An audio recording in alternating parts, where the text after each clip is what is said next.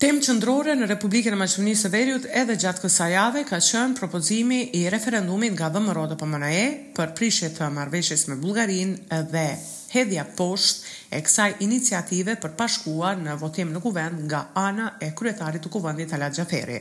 Pas refuzimit të iniciativës për referendum për shfuqizim të marrëveshjes me Bullgarinë nga ana e kryeparlamentarit Talat Xhaferi, VMRO-DPMNE do të vendosë për hapat e mëtejmë në mbledhje të kryesisë partiake. Nënkryetari i kësaj partie, Vllado Misajlkovski ka thënë se organet e partisë do të mblidhen, do të diskutojnë për të gjitha dilemat juridike dhe do të veprojnë më tej. Duke komentuar vendimin e Xhaferit, ai ka thënë se juridikisht është i paqëndrueshëm dhe joligjor. Për dëmet e iniciativës për referendum flasin edhe shefat e grupeve parlamentare nga LSDM dhe BDI. Ndjekim deklaratat e tyre. Tuar Rosnaat, i VMRO-DPMNE, Atë e dinë edhe nga VMRO-DPMNE-ja dhe për këtë mbrëmë cituan nenin e gabuar njëzet e katër nga ligji për referendum, i cili ka të bëjë me referendumin konsultativ dhe jo për atë obligues siç kërkojnë në iniciativë. Është e dukshme se Mickoski qëllimisht ka shpikur dhe dorëzuar këtë iniciativë në mënyrë të paqëndrueshme juridikisht, në kundërshtim me Kushtetutën e Maqedonisë. Nisma e opozitës synon të pengojë rrugën drejt Bashkimit Evropian. Më vjen keq për bindjen dhe veprimin antievropian të opozitës, por një gjë është e qartë, se nuk do të ketë kthim mbrapa, sepse vendi nuk mund të izolohet nga pjesa tjetër e botës demokratike. Kryeparlamentari Talat Xhaferi të martën hodhi poshtë iniciativën e VMRO-DPMNE-së për shpalljen e referendumit të obligueshëm për shfuqizim të marrëveshjes me Bullgarinë. Ai tha se iniciativa nuk është në përputhje me Kushtetutën.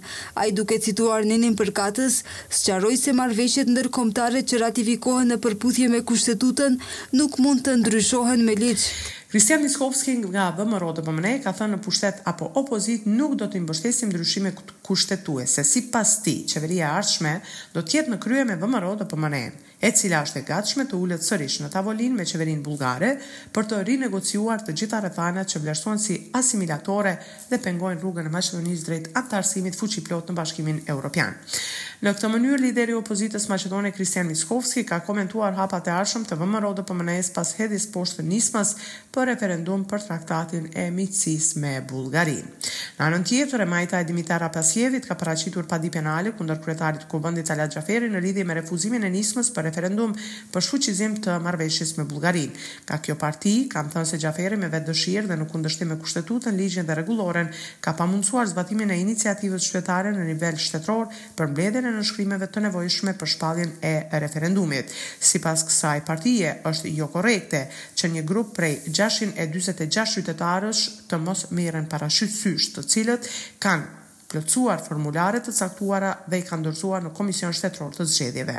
Sipas kësaj partie, Talat Xhaferi ka kryer vepër penale kundër sistemit zgjedhor, pengim të zgjedhjeve dhe votimit, të dënuar sipas nenit një pesë tetë, paragrafi një, Kodi Penal, me dënim minimal me burg prej më së paku tre vjet. E majta vlerëson se kryeparlamentari nuk është kompetent për vlerësim të iniciativës për shpallje të referendumit, por ai mund të vlerëson vetëm korrektesën e saj nga aspekti formalo-juridik. Kujtojmë që VMRO-DPMNE javën e kaluar i dorëzoi Komisionit Shtetëror të Zgjedhjeve nismën qytetare për referendum të obligueshëm për shfuqizim të marrëveshjes me Bullgarinë dhe më pas nisëm me njëqind nënshkrime të mbledhura e kanë dorëzuar në Kuvend. Kryeparlamentari Talat Xhaferi ka hedhur poshtë me arsyetimin se nuk është në përputhje me Kushtetutën. Ai ka cituar nenin përkatës duke sqaruar se marrëveshjet ndërkombëtare që ratifikohen në përputhje me Kushtetutën nuk mund të ndryshohen me ligj. e nga takimet e rëndësishme të javës ishte ai i presidentit të Republikës së Shqipërisë Bajram Begaj me homologun e tij Stevo Pendarovski në kuadër të takimit të liderëve të procesit të Brdo Briunit.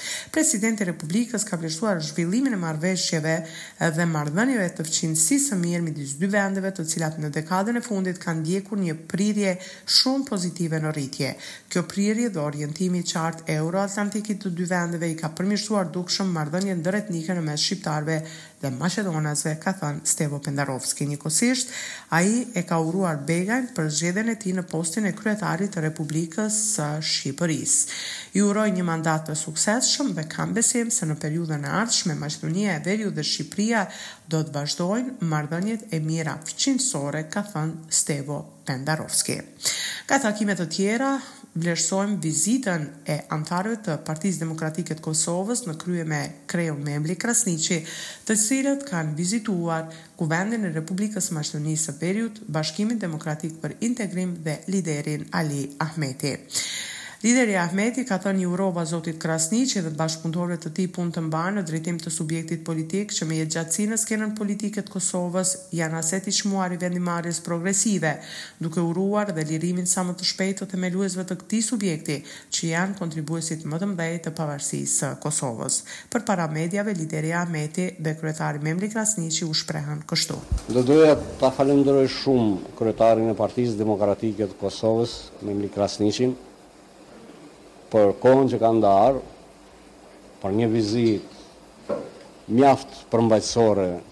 që bën në Maqedoni me autoritetet vendore ka qenë një takim vëllazëror.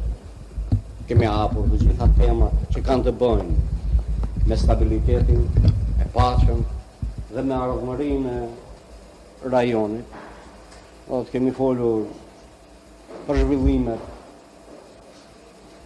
ekonomike, infrastrukturën, se si të lehtësohen lëvizjet, qarkullimi i njerëzve, mallrave, ideve, sepse jemi një rajon i cili ka pretendime të përbashkëta për anëtarësim në Bashkimin Evropian, por Kosova duhet të hapërojë dhe më tej për të përmbyllë çështje akoma të pambyllura, kontestin me Serbinë dhe presim së shpejti që edhe ky kontest të marrë epilog që Kosova të jetë pjesë e NATO-s dhe e pjesë e gjitha strukturave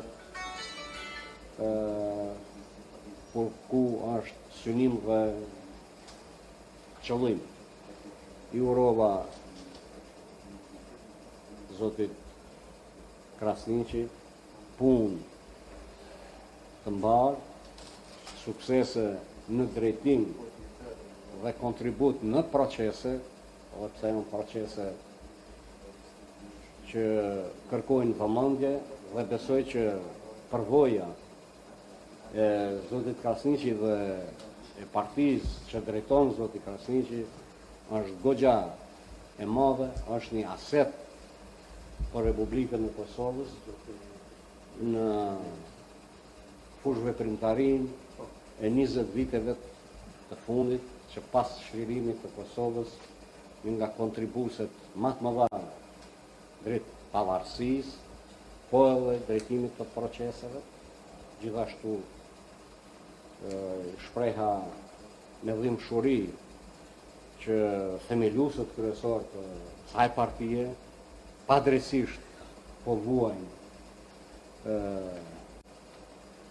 në burgje, por edhe këtu i shpreha bindjen time zotit Krasniqi, partisë së zotit Krasniqi, partisë së zotit Thaçi e të Kadri Veselit, që e drejta do të triumfojë dhe do të kthehen triumfatorë Kosovës. Këto, me këto bindje iu drejtova zotit Krasniqi, që këto s'duhet të aspak të jenë të dëshpruar dhe të ndikojnë në fushëveprimtarinë e tyre, por përkundrazi të jetë një moral edhe më i lartë për këta që sa ma parë themeluesët dhe kontribuesët e shtetit dhe të mëvetësisë Kosovës t'i kthehen Kosovës. Faleminderit. Gjatë kësaj jave lideri Ahmeti ka mbledhur edhe udhëheqësit e institucioneve qëndrore dhe komunave, si dhe kryetarët e degëve, për të diskutuar mbi zhvillimet politike në vend, rolin kyç të BDI-së në të gjitha proceset jetike për t'ardhmen e vendit, zbatimin e programit zgjedhor në nivel qendror dhe lokal. Thirra sot në takim koordinues pune, ministrat, kryetarët e komunave, kryetarët e degëve të Bashkimit Demokratik për Integrim. Ashtu siç kemi qëndruar gjithmonë në anën e drejtë dhe vendimmarrëse, Gjatë këtij dydekadshi kur vendi duhet të bënte hapa në procese demokratike të barazisë dhe integrimit, duhet të vazhdojmë të jemi faktor vendimtar në sfidat e radhës të rrumbullakësimit përfundimtar të rrugës së integrimit, menaxhimit të krizës ekonomike, energjetike, si dhe shërbimit efikas ndaj qytetarëve me projekte të jetës cilësore në çdo instancë institucionale është deklaruar lideri Ali Ahmeti pas takimit koordinues.